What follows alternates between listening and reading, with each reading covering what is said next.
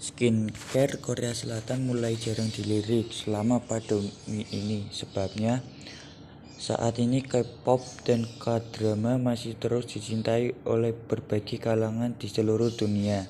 Namun, reaksi berbeda didapat oleh produk kecantikan asal Korea Selatan atau bisa disebut K-beauty.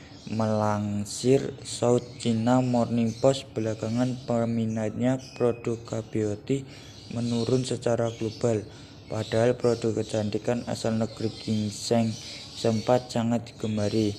Hal ini terbukti dengan ditariknya merek Innisfree dari Amerika Serikat dan Tiongkok oleh konglomerat kecantikan Korea Amorepacific Kirei Sephora juga tak lagi gencar mempromosikan produk K-beauty. Ada beberapa alasan kenapa produk K-beauty mulai kehilangan pelanggan. Salah satunya adalah rangkaian penggunaan produk yang dinilai cukup ribet.